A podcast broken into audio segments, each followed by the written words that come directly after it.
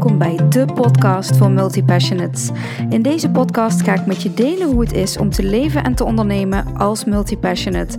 Vanuit vertrouwen en verlangen zonder jezelf te beperken. Hoe zorg je ervoor dat je kunt leven en ondernemen op jouw voorwaarden in een wereld van specialisten? Zin in! Yes, yes, yes. Welkom bij weer een nieuwe podcastaflevering. En vandaag um, kom ik met een vraag van een luisteraar, Martinique van Heist, die aan mij vroeg. Ik neem, pak de vraag er even bij. ADD, wat is dat precies? Ik kan wel een lijstje googlen, maar het zegt me zo weinig. Hoe is dat voor jou? Misschien is het te persoonlijk hoor, maar ik ben wel benieuwd of je daar eens een podcast over gaat opnemen. Over hoe je dat ontdekt hebt enzovoort. Laat ik meteen even een disclaimer uh, hierbij zetten. Ik ben geen psycholoog. Ik ben geen specialist op het gebied van, uh, ik noem het maar even labeltjes. Ik hou ook helemaal niet van labeltjes. Um, ik heb mezelf ook nooit officieel laten testen op ADD, puur omdat ik niet geloof in. Um, hoe ga ik dat zeggen? In het systeem van labeltjes. Maar ik geloof ook niet zo goed, ook niet heel erg in dat als je een labeltje hebt, dat je op een bepaalde manier zou moeten gedragen of dat je bepaalde dingen niet zou kunnen. Um, en dat je er ook minder last van zou kunnen hebben. Dus nee, ik ben geen medisch specialist en nee, ik ben geen psycholoog. Maar ik ga je meenemen in mijn proces richting de ontdekking van mijn ADD. Um, en het begon op 8 mei 1977. nee, nee joh, ik ga je niet mijn hele levensverhaal vertellen, maar ik heb wel al mijn hele leven het gevoel dat ik anders ben dan de rest. En ik vraag me dan ook wel eens af of niet iedereen het gevoel heeft anders te zijn dan de rest, omdat we allemaal onze eigen emoties, onze eigen systemen hebben. Dus we zijn allemaal sowieso anders dan de rest. Maar je wil niet weten hoe vaak ik in mijn leven gegoogeld heb op ADHD, op autisme, op noem maar op. En steeds maar weer voelde ik me niet thuis in de verklaringen die er te vinden zijn. Dus ik heb dat altijd een beetje naast me neergelegd en gedacht: het zal wel. Uh, ik heb heel hard mijn best gedaan om te functioneren in het gewone systeem.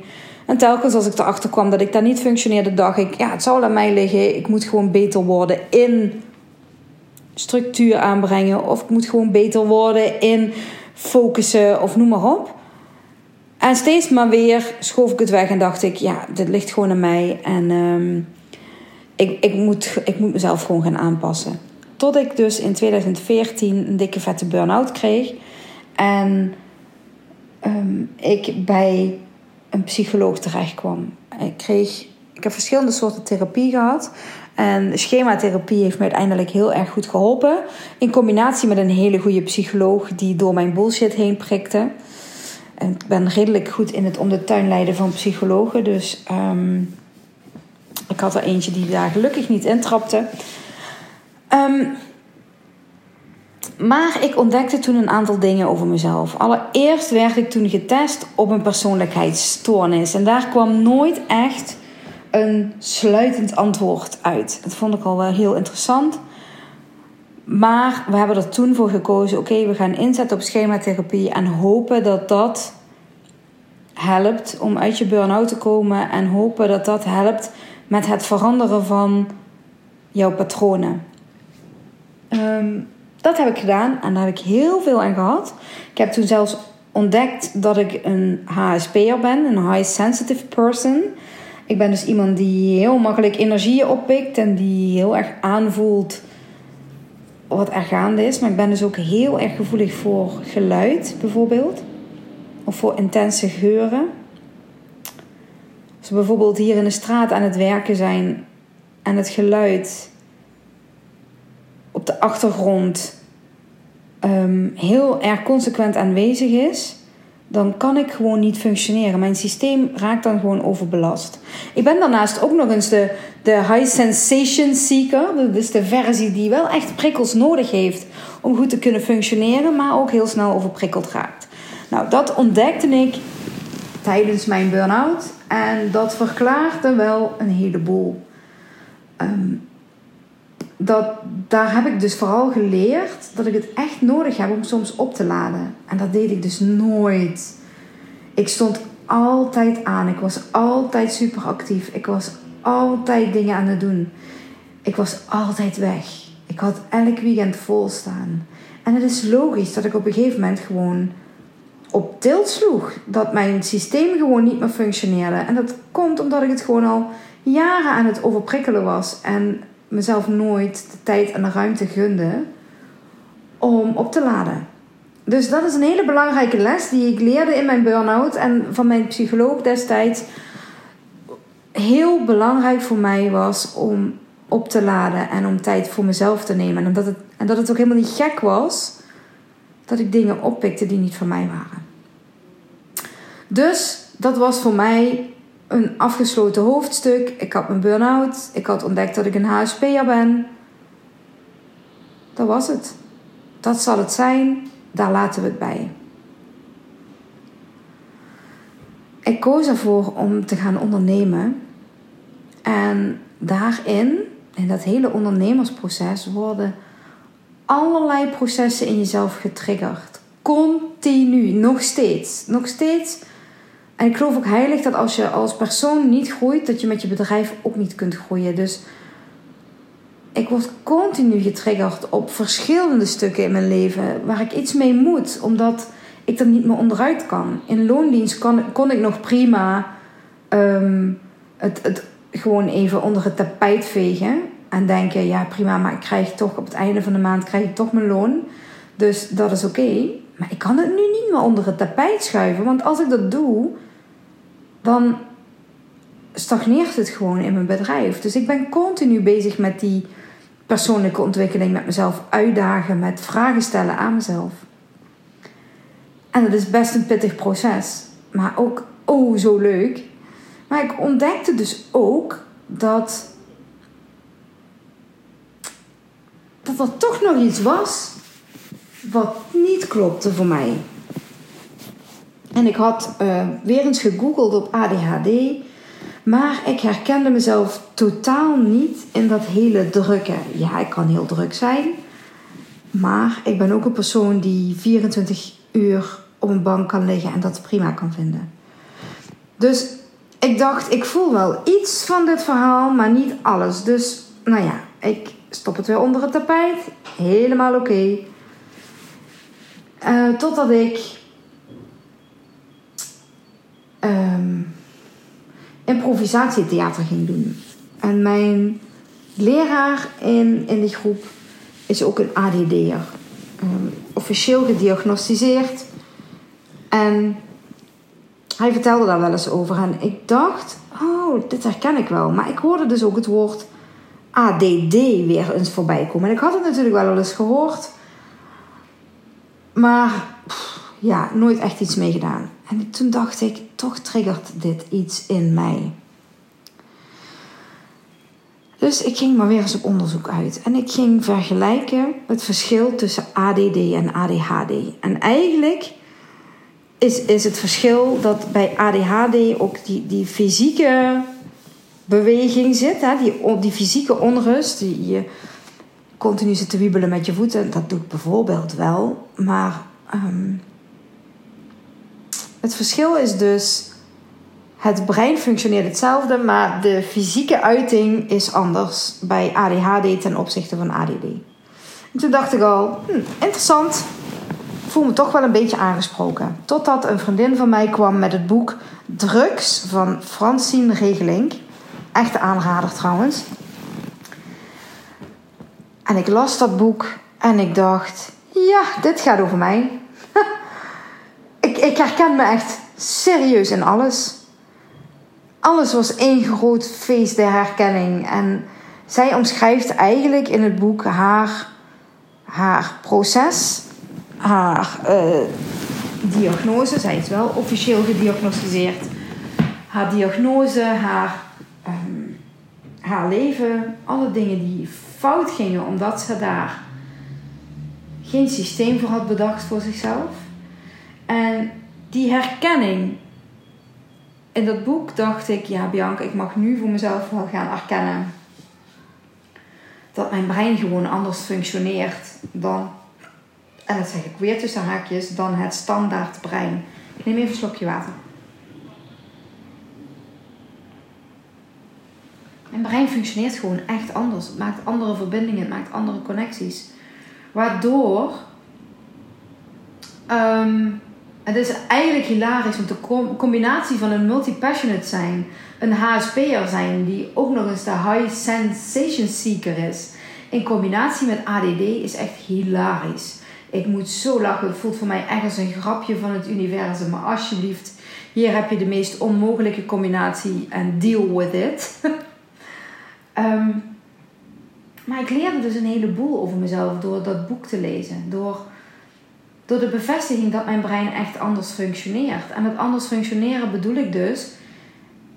En het, een mooi voorbeeld wat ik kan noemen. Ik heb dus een hekel aan koken. En dat komt niet doordat ik een hekel heb aan koken op zich.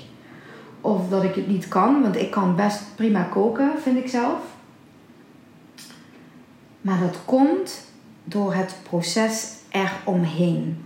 En met het boek van Francine Regeling leerde ik dus om een beter proces voor mezelf te creëren. Wat er namelijk gebeurde was, elke avond moest er gekookt worden. Maar mijn vriend boeit het nooit zoveel wat dat dan is, mij dan wel. Maar ik dacht nooit, laat ik het van tevoren eens even uitzoeken. Ik dacht altijd pas tegen een uur of vijf, zes, half zeven, s'avonds. Hé, hey, wat zullen we gaan eten vanavond?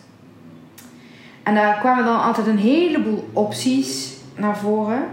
Maar die creëerden eigenlijk allemaal vrij snel een soort van kortsluiting in mijn hoofd.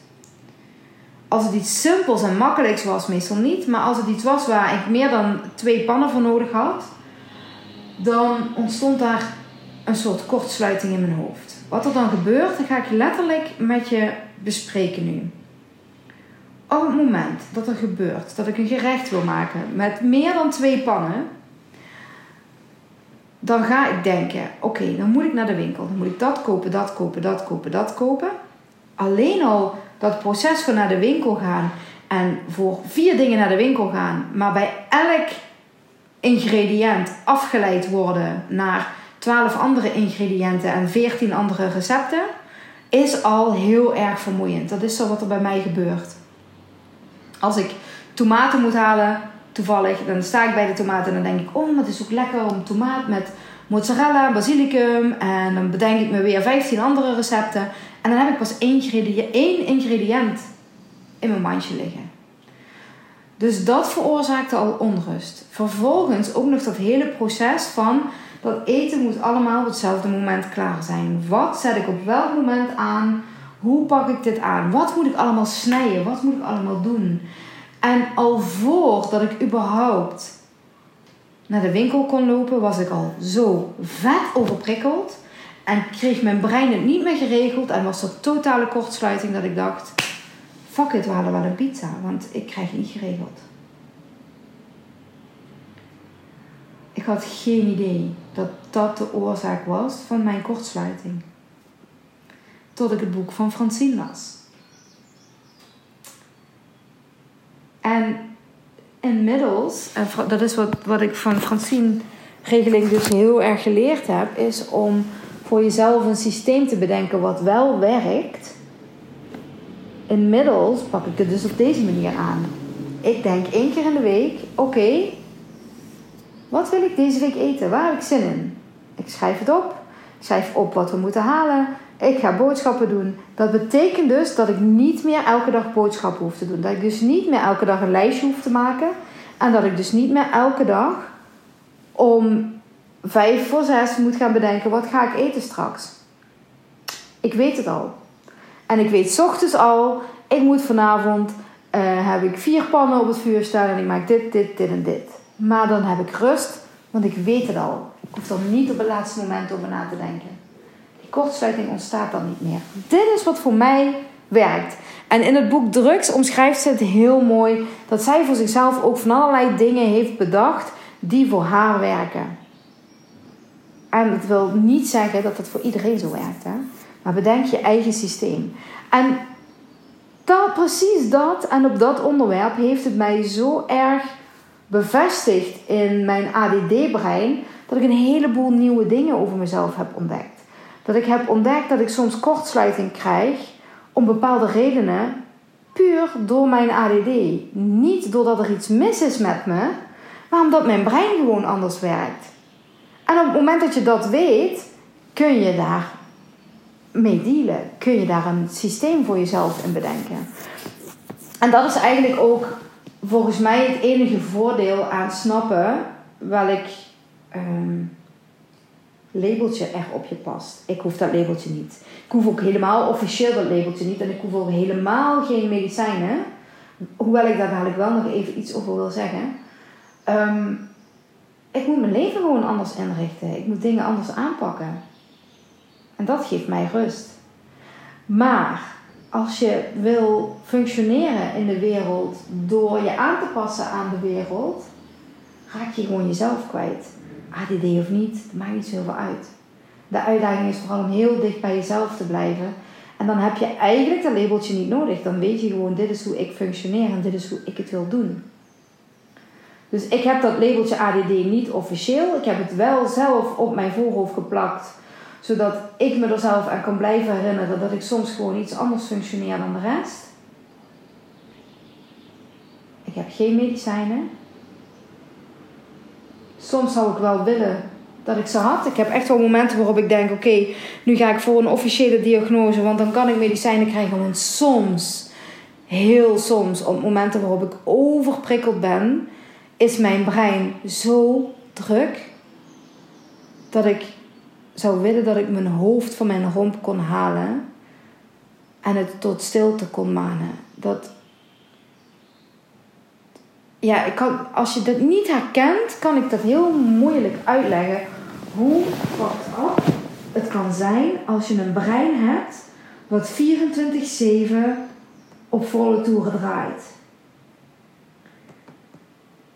Het is nooit stil in mijn hoofd. Maar echt nooit stil in mijn hoofd. Ehm, en dat is soms best zwaar. En dat is best ingewikkeld. En dat kost ook best veel energie. Maar sinds ik mezelf toesta om te zijn wie ik ben. En sinds ik weet, oké okay, Bianca, dit is gewoon omdat mijn brein anders werkt. Kan ik daar veel makkelijker mee dealen. Ik heb wel ontdekt dat mijn ADD op momenten super erg kan zijn en op momenten gewoon redelijk rustig kan zijn. Daar is wel echt een verschil. En ik heb ontdekt dat dat verschil hem zit in een tekort aan bepaalde vitamines. Ik heb een hele waslijst aan vitamines die ik slik. En je kunt er echt gewoon op googlen of tekort bij ADHD of ADD. Um, dan vind je een lijst met vitamines die heel vaak um, in tekorten worden gezien bij mensen met ADD of ADHD. En sinds ik die vitamines ben gaan slikken, is het een stuk rustiger. En nou ja, het zal je niet verbazen. Ik ben niet iemand die consequent elke dag heel braaf de vitamines slikt. Zeker niet. Ik kan het zo weken, maanden niet doen. Totdat ik merk dat ik weer een grens overgegaan ben. En totdat ik merk dat mijn brein weer te aanstaat. En dan denk ik, ja zie je, ik heb weer een vitamine, ik heb mijn vitamines weer niet genomen. En dan begin ik weer heel netjes elke dag met het nemen van mijn vitamines. En dan wordt het weer minder. Dus dit is mijn proces van 45 jaar in het kort. Ehm, en als jij het gevoel hebt dat jij ook een ADD'er bent, hebt, ook ADD hebt of ADHD hebt. Ehm, en ik vind het heel naar om dat zo te zeggen, want het definieert namelijk niet wie je bent. Het is gewoon een andere manier waarop je brein werkt. dan kan ik je echt aanraden om het boek van eh, Francine te lezen. Ik zal proberen te linken in de tekst van deze podcast als dat gaat. Mm. Als jij vindt dat je een diagnose nodig hebt, is dat ook oké. Voor mij voelt dat overbodig. Um, het gaat er namelijk om dat het voor mij helder is en niet voor de wereld om mij heen. Ik heb dat labeltje niet nodig om de wereld om mij heen te kunnen vertellen um, dat ik een ADD'er ben. Ik heb het labeltje vooral nodig om mezelf te begrijpen en om mezelf, om wat liever voor mezelf te zijn, omdat ik soms gewoon anders functioneer. En ook om systemen te bedenken, zoals met mijn boodschappen, die voor mij werken en die mij enorm veel rust geven en die uh, enorm veel frustratie wegnemen. Vooral, dat is voor mij vooral de belangrijkste reden waarom ik ben gaan onderzoeken hoe werkt het voor mij en is het ADD ja of nee. Zodat ik mezelf kan begrijpen en zodat ik dus mijn leven kan inrichten zodat het voor mij wel werkt, in plaats van dat ik me aanpas aan een systeem wat voor mij niet werkt. Ja, ik ga het hierbij laten. Ik hoop dat ik je vragen beantwoord en ik hoop, misschien heb ik je geïnspireerd om het boek eens te gaan lezen. Misschien heb je nu wel iets nieuws over jezelf ontdekt. En ik hoop dat ik je heb kunnen inspireren in het creëren van een systeem voor jezelf. Want ook als je geen ADD of ADHD of welk labeltje dan ook hebt, denk ik dat het super waardevol is om een systeem te creëren in je leven wat voor jou werkt ongeacht welk labeltje. Blijf dicht bij jezelf. Doe wat voor jou klopt. En als iets niet werkt, ga naar de oplossing. Hoe werkt het voor mij wel? Dankjewel voor het luisteren. Geniet van je dag.